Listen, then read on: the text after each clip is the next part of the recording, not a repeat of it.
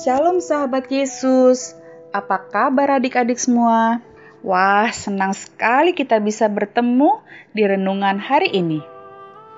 Puji Tuhan, kita sudah masuki tahun yang baru 2021. Kita boleh sehat, sukacita, itu semua karena kasih anugerah Tuhan Yesus. Adik-adik, renungan kita hari ini mempunyai tema kemuliaan hanya milik Tuhan.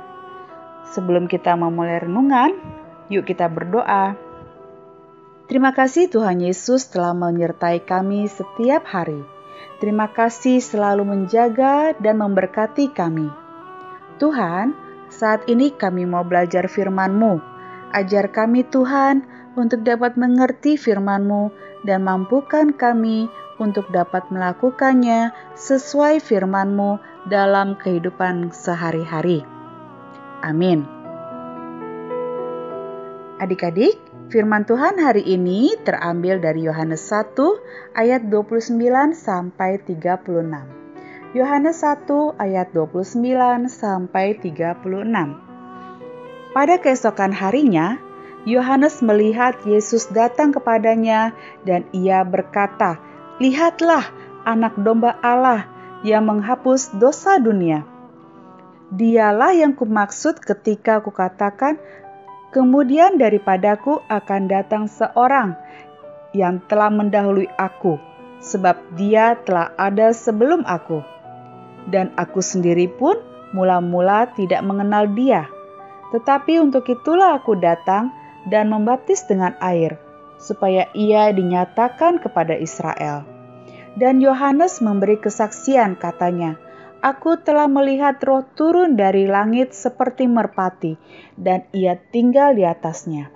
Dan aku pun tidak mengenalnya, tetapi dia yang mengutus aku untuk membaptis dengan air telah berfirman kepadaku, Jikalau engkau melihat roh itu turun ke atas seseorang dan tinggal di atasnya, dialah itu yang akan membaptis dengan roh kudus dan aku telah melihatnya dan memberi kesaksian, ia inilah anak Allah.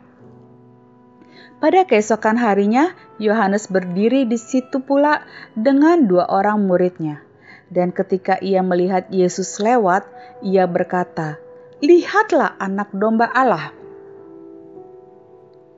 Apakah adik-adik masih ingat cerita tentang kelahiran Bapak Yohanes Pembaptis?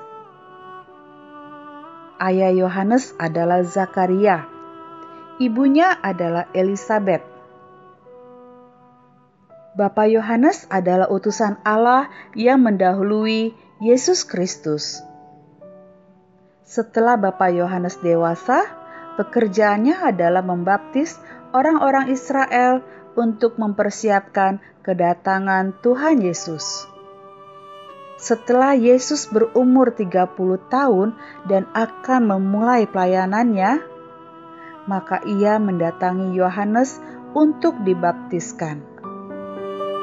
Adik-adik, Bapak Yohanes terus mengatakan bahwa kemuliaan hanya milik Tuhan Yesus, Sang Mesias. Bapak Yohanes adalah utusan yang membaptis dengan air, sedangkan Tuhan Yesus membaptis dengan Roh Kudus.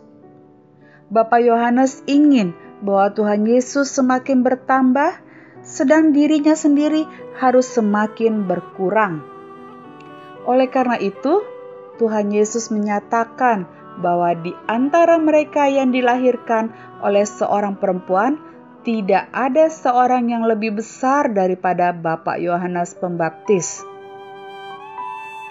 Nah, adik-adik, kita mau belajar dari kisah Bapak Yohanes yang selalu meninggikan dan memuliakan Tuhan. Kita pun mau meninggikan Tuhan. Misalnya, jika kita mendapat nilai bagus atau mendapat prestasi yang baik di sekolah, kita harus selalu bersyukur dan berterima kasih kepada Tuhan.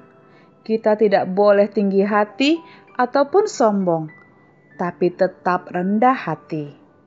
Biarlah Tuhan yang ditinggikan, bukan diri kita. Yuk adik-adik, kita ucapkan bersama-sama ya. Aku hendak meninggikan Tuhan dengan merendahkan diriku di hadapannya. Sekali lagi ya, aku hendak meninggikan Tuhan dengan merendahkan diriku di hadapannya. Mari kita berdoa. Bapa di surga, ajar kami untuk mampu memuliakan Engkau seperti Yohanes Pembaptis. Ajar kami untuk merendahkan diri kami. Dalam nama Tuhan Yesus, amin. Tetap semangat ya adik-adik. Tuhan Yesus memberkati. Dah.